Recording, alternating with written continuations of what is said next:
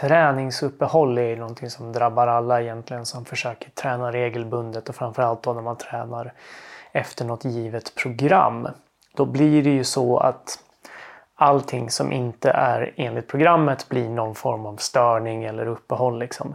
Tränar man lite mera lite mera fritt, lite mera casual så kan man väl se det som att ja, men den här veckan blev det lite mindre än föregående vecka eller något liknande. Det är ingen stor grej. Men om man försöker träna enligt ett program så har man ju en tanke med det programmet. Man har någon form av progression. Man tänker att liksom efterföljande pass ska bygga på tidigare pass. Efterföljande perioder ska bygga på tidigare perioder och sådär. Och då blir egentligen alla former av störningar i det här blir någon form av träningsuppehåll. Liksom. Och när man då har mycket annat i livet som stör en. Både då som eh, påverkar återhämtning, som påverkar tiden man har att träna. Som gör att man behöver skyffla om i när man tränar. Och som då i fallet med småbarn, alla de sakerna plus sjukdomar så gör det att man är ganska benägen att få träningsuppehåll. Men även om man har liksom allting helt optimerat så kan man ju bli extra trött på grund av någonting. Man kan bli sjuk och man kan skada sig och sådär.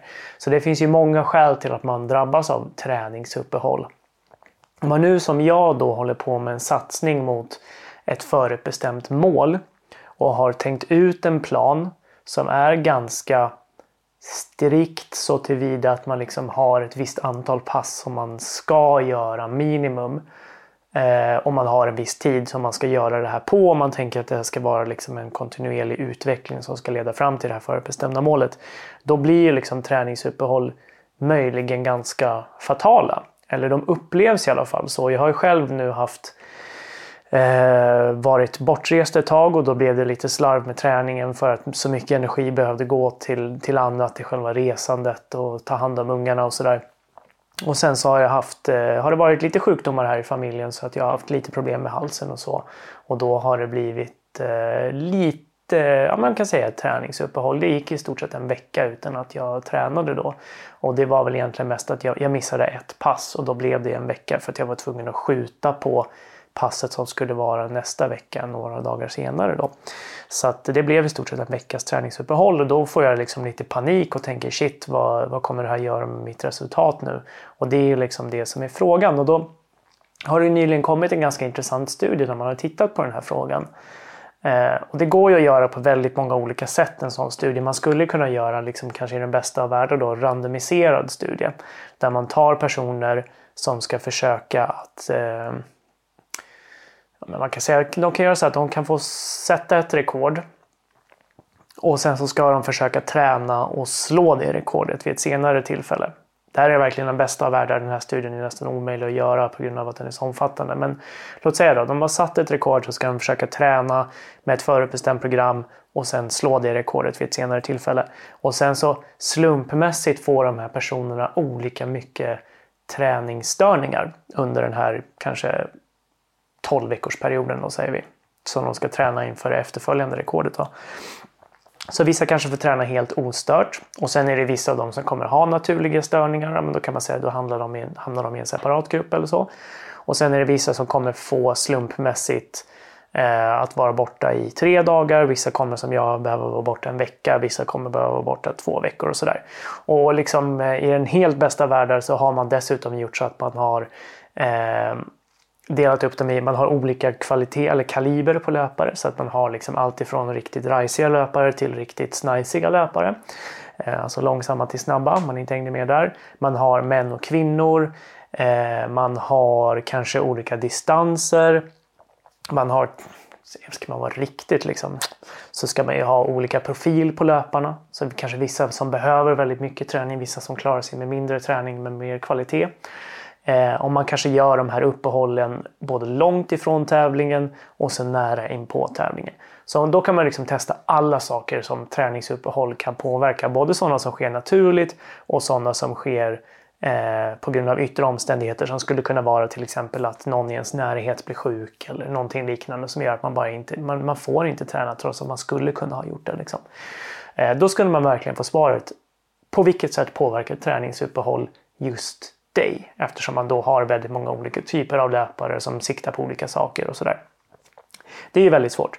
Den här nya studien som har kommit den har gjort någonting som är mycket, mycket, mycket mer pragmatiskt och billigare och därför liksom lätt att få fram. Det de hade gjort var att de hade samlat in data från eh, löpningstjänsten eller konditionsträningstjänsten Strava. Som säkert många som tittar på det här känner till. Eh, det är alltså det är en app där man loggar sin träning och om man har typ en Apple Watch eller eh, som jag har en, en eh, Polarklocka här eller en Garmin-klocka eller någonting sånt där. Så kan man liksom använda den för att logga sina pass och sen så laddar man upp det till Strava. Och Strava har en massa grejer där man kan liksom jämföra sig med sig själv, med andra på olika segment och sådana bitar. Det är en community-aspekt i det och så. Men det är också ett väldigt bra bank med mycket data eftersom många som konditionstränare använder sig av Strava. Då. Det man hade gjort var att man hade fått in massa personers träning inför maraton. Och då hade man tagit då personernas maratontider och tittat på träningen inför dem och sen de som hade gjort flera maraton så hade man tittat på hur de olika loppen jämförde sig med varandra. Och till slut så hade man fått ihop ungefär om det var typ 300 000 eh, personer då som hade sprungit eh, en himla massa pass och en himla massa maraton. Och så hade man gjort så att man hade tittat på olika former av träningsuppehåll. Olika längd på uppehållen och olika närhet till loppen på uppehållen. Hur det påverkade maratontider. Så för de personer som hade två maratontider så kunde man ju då jämföra den ena med den andra och så kunde man se fanns det något uppehåll vid andra eller vid första och så kunde man se fanns det något uppehåll vid andra. Om det var så att den första var ostört, liksom att de fick träna under de här fyra månaderna inför loppet som de tittade på, men det andra inte var ostört utan det fanns någon form av träningsstörning så kunde man titta på hur påverkade det resultatet. Och det, det kan man egentligen bara säga genom att man tittar på skillnaden i sluttid mellan det första och det andra maratonet. Det, det är inte det enda som har hänt här att de har haft en ett uppehåll i träningen utan vid det andra maratonet så har de ju faktiskt haft ett första maraton före det. Men det kan ju ha varit så att uppehållet kommer i första maratonet och så fick det andra vara ostört eller så.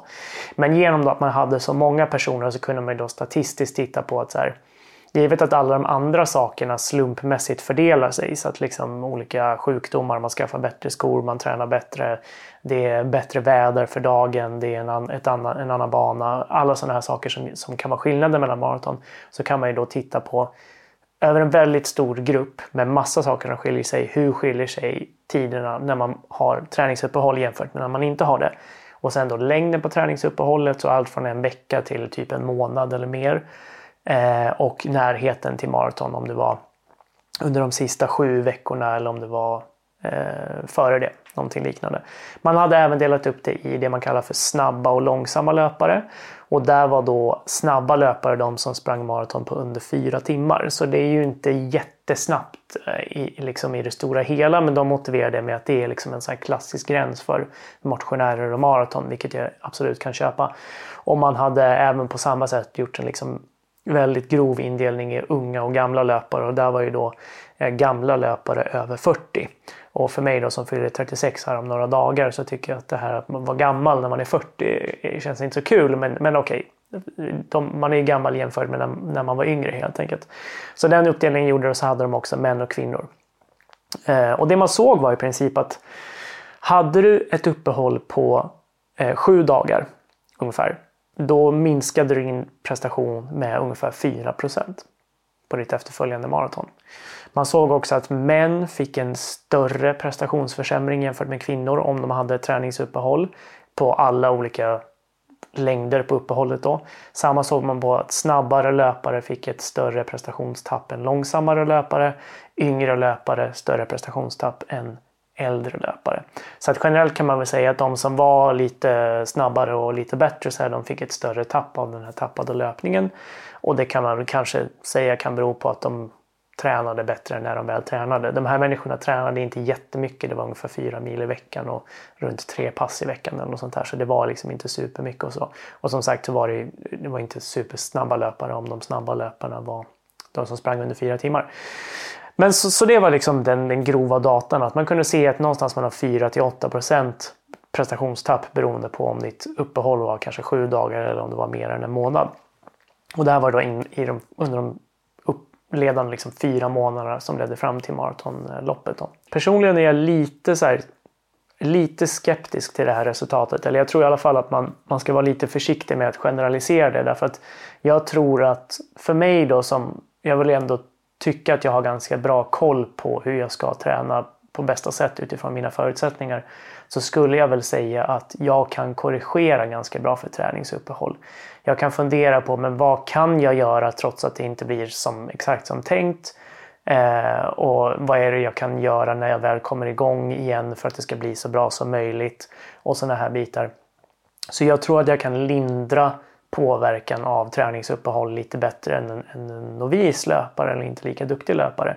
Och jag tänker att om man liksom springer maraton på mer än fyra timmar då kanske man inte man, eh, man kanske inte tränar helt optimalt. Liksom. Man kanske har lite luckor i, i sin kunskap och sådana bitar. Sen kan det ju klart att det finns massa andra saker som, som ålder och, och genetik och sådana här bitar som spelar roll Eh, i hur snabbt man springer trots att man kanske kan allting perfekt och göra allting bra eller så.